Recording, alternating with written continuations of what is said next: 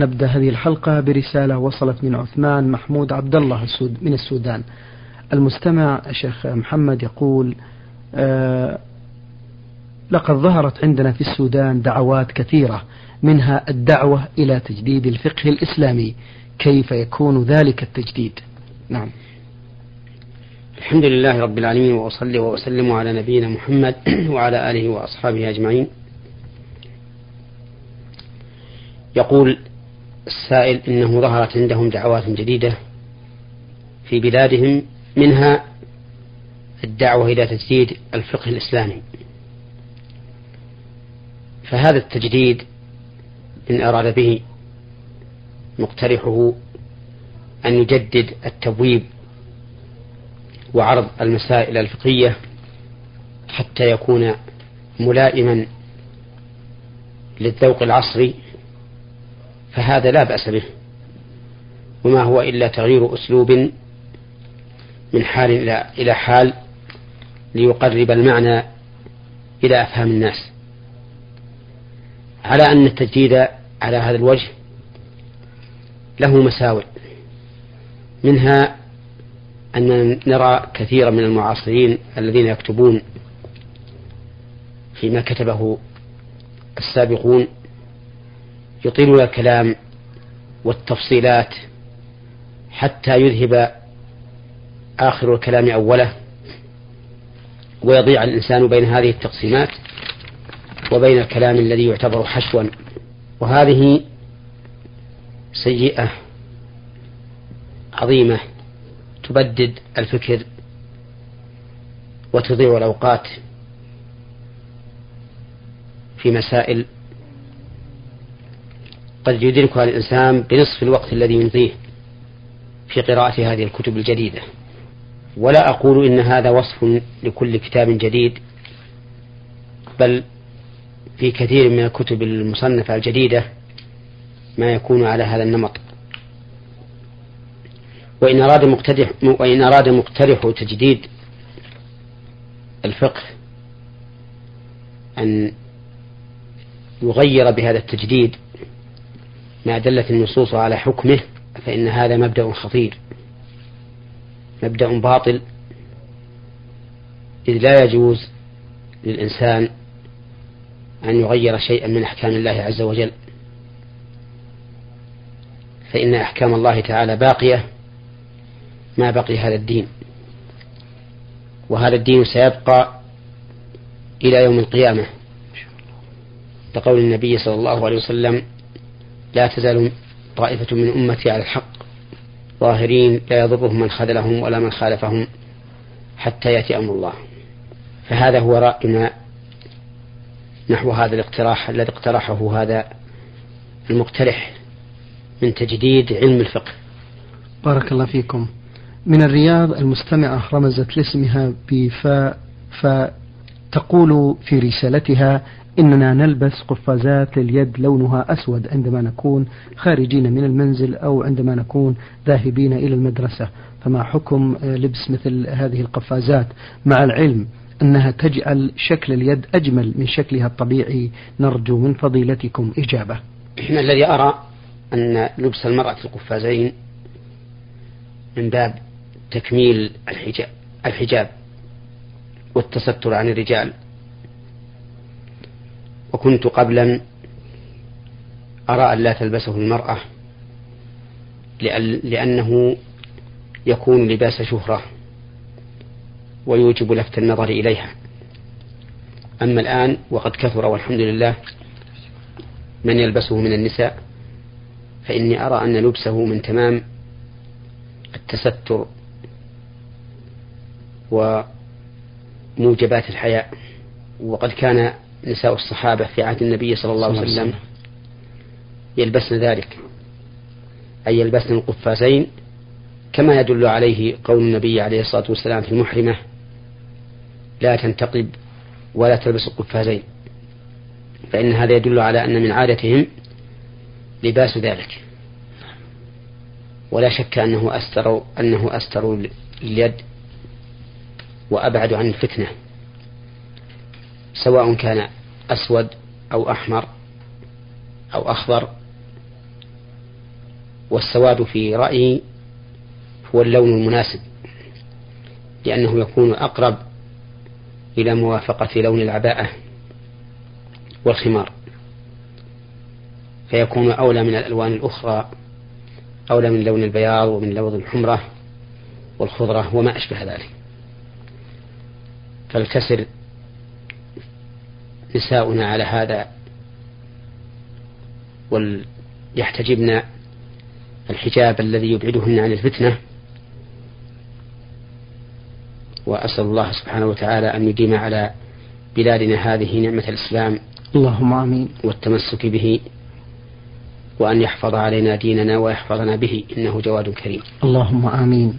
جزاكم الله عنا وعن المسلمين خير الجزاء. آه، من السودان إسحاق إبراهيم. يقول ما حكم الشرع في نظركم في رجل طلق زوجته وبعد سبعة أشهر ظهر الحمل؟ ما الحكم الشرعي في هذا؟ الحكم الشرعي في هذا فيما أرى أنه إذا كانت قد حاضت بعد طلاقه ثلاث حيض فإن هذا الولد لا يلحقه لأنها قد أتمت العدة وبانت منه. وهذا حمل جديد. أما إذا كانت بعد الطلاق لم تحض حتى ظهر عليها الحمل فإنها تكون في عدته حتى تضع حملها. لأن الظاهر أن هذا الحمل له لكن تأخر ظهوره لسبب من الأسباب قد يكون لعلة في أمه أو لعلة في نفس الجنين فما دامت لم تحض منذ طلاقها إلى أن ظهر حملها بعد سبعة أشهر فإن الحمل له. وقد ذكر العلماء رحمهم الله أن الحمل قد يبقى في بطن الأم لمدة أربع سنين وبعضهم يرى أنه قد يبقى أكثر من أربع سنين. فما دمنا نتيقن أن هذه المرأة لم توطأ فإن الحمل قد يبقى في بطنها أكثر من أربع سنين. وينسب إلى من هي حل له من زوج أو سيد. بارك الله فيكم. رسالة وصلت من أمة الله عائشة عبد الفتاح. الحقيقة الرسالة طويلة والمستمعة كتبت بأسلوب آه، طيب آه، وترجو أن نعرض هذه الرسالة على فضيلة الشيخ محمد. تقول في رسالتها السلام عليكم ورحمة الله وبركاته. وعليكم السلام ورحمة الله وبركاته. نحن نعلم أن الله سبحانه وتعالى لا يرضى بأن يغير الإنسان من خلقته. وأن الشيطان نعوذ بالله من شره قال إنه سيأمر بني آدم بأن يغيروا من خلق الله وأن النبي صلى الله عليه وسلم قد روي عنه أنه لعن النامصات والمتنمصات والواشرات والمستوشرات والفالجات والمتفلجات والواصلات والمستوصلات. وفي نهاية الحديث قال عليه الصلاة والسلام المغيرات لخلق الله وكأن علة اللعن هي تغييرهن لخلق الله وأعلم أن هناك أنواعا من التغيير محمودة ومحثوث عليها وهي التي من الفطرة وأذكر منها الختان وقص الشارب وحلق العانة ونتف الإبط وقص الأظافر. وأنه رخص لنا في تركها أربعين يوما فهناك تغييرات فهناك تغييرات منصوص على كراهيتها بدليل اللعن عليها وهناك تغييرات منصوص على استحبابها والحث عليها إذ هي من الفطرة. بقيت أمور اشتبهت علي أمرها وأقصد. إزالة الشعر الزائد في الذراعين والرجلين. فترى هل تعتبر إزالته من التغيير بعامة في خلق الله وبالتالي ينبغي عدم إزالته؟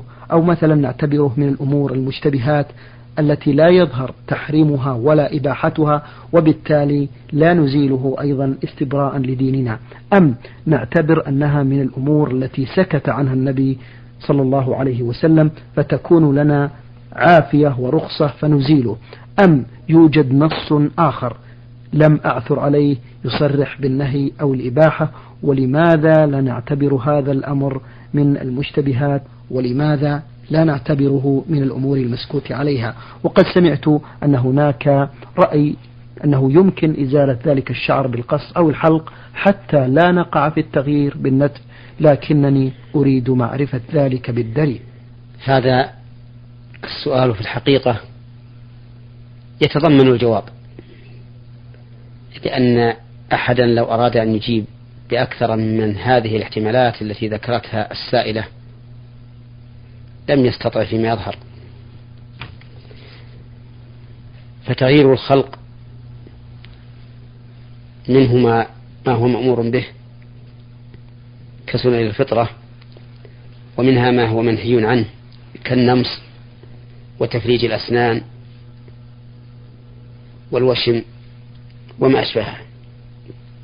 ومنها ما هو مسكوت عنه كشعر الساقين والذراعين والكفين والقدمين وما أشبه ذلك. هذا المسكوت عنه فيه هذه الاحتمالات التي ذكرتها السائلة. هل نقول إنه لا يزال لأن إزالته تغيير لخلق الله والأصل في التغيير التحريم لأنه من أوامر الشيطان؟ فالواجب الكف عنه وتركه أو نقول إن هذا مما سكت الشارع عنه. لأن الشارع لما نص على أشياء ممنوعة وأشياء مأمور بإزالتها وسكت عن هذا دل على أنه لا بأس به لأنه لو كان من قسم ممنوع لنبه عليه النبي صلى الله عليه وسلم وأتى بلفظ عام يدخل فيه الكل ولو كان من المأمور به لنص عليه أيضا فيكون معفوا عنه. بقرينة ذكر القسم الممنوع. فإن ذكر القسم الممنوع يقتضي أن ما سواه إما مأمور به وإما معفو عنه. ولا ريب أن الاحتياط تركه وعدم التعرض له. إلا إذا كثر بحيث يشوه خلقة المرأة حتى يجعل يدها كيد الرجل أو كرجل الرجل أو يجعل رجلها كرجل الرجل وما أشبه ذلك مما قد تعافه نفس الزوج ففي هذه الحال لا ريب في أن إزالته جائزة وسواء أزيل بالقص أو بالإدهان بما يزيل الشعور أو غير ذلك هذا هو حكم المسألة فيما أراه والعلم عند الله سبحانه وتعالى. نعم. بارك الله فيكم. تقول سؤال آخر متعلق بهذا الموضوع وعني هل يجوز وضع المساحيق الملونة على الوجه أو هل هذا يعتبر من التغيير لخلق الله؟ ومعلوم آه، أثرها في تجميل الوجه وهل يوجد نص من السنة أو من القرآن يخبر أن النسوة المسلمات الأول كن يضعن مساحيق ملو ملونة على وجوههن وأباح ذلك النبي عليه الصلاة والسلام. الكحل في العينين كان معروفا من عهد النبي صلى الله عليه وسلم وإلى يومنا هذا. ولا ريب أنه يعطي العين جمالا وزينة. وأما تجميل الوجه والشفتين. فالأصل فيه الحل حتى يقوم دليل على المنع. فإذا تجملت المرأة أو بعبارة أصح إذا جملت وجهها بهذه المساحيق والأدهان فإن ذلك لا بأس به. لأن مثل هذه الأمور إذا لم يرد بها منع عن النبي صلى الله عليه وسلم فالأصل فيها الحل. ولا نحتاج إلى طلب الدليل على حلها لأنه الأصل. وما كان هو الأصل فإن المطالبة بالدليل من ادعى خلافه لا من ادعى الأصل. ولهذا إذا تمسكنا بأصل من الأصول وقال لنا قائل ما هو الدليل قلنا له الدليل عدم الدليل. أي أن الدليل على هذا عدم الدليل على خروجه عن الأصل.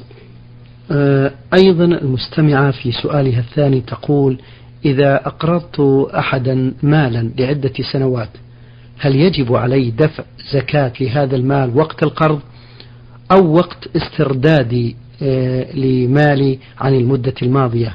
وهل إذا اشترى أحد أرضا ليبني عليها منزلا له؟ وأخر بناء ذلك المنزل حتى يتوفر عنده مال للبناء. أسأل هل عليه دفع زكاة عن هذه الأرض؟ نعم. أما المسألة الأولى وهي ما إذا أقرض الإنسان غيره مالا فهل فيه الزكاة؟ فالجواب إذا كان هذا المال الذي أقرضه إياه مما لا تجب الزكاة في عينه فلا زكاة عليه فيه. كما لو أقرضه طعاما من البر أو الرز أو التمر أو ما أشبه ذلك فإن هذا لا زكاة عليه فيه إذ لا زكاة في عينه. وأما إذا أقرضه دراهم سواء كانت نقودا من الذهب والفضة أو كانت أوراقا من هذه الأوراق العملية فلا يخلو المقترض من إحدى حالين إما أن يكون غنيا وإما أن يكون فقيرا. فإن كان غنيا فعلى مقرضه زكاة المال الذي أقرضه وقت وجوب زكاته. وإن كان فقيرا فإنه لا زكاة عليه ولو بقي عنده سنوات. لكن إن زكاه حين قبضه منه لسنة واحدة فهو أولى وأحوط. لأنه حينئذ يشبه الثمرة التي استغلها الإنسان تزكى وقت استغلالها. وإن استأنف به حولا جديدا فلا بأس. فصار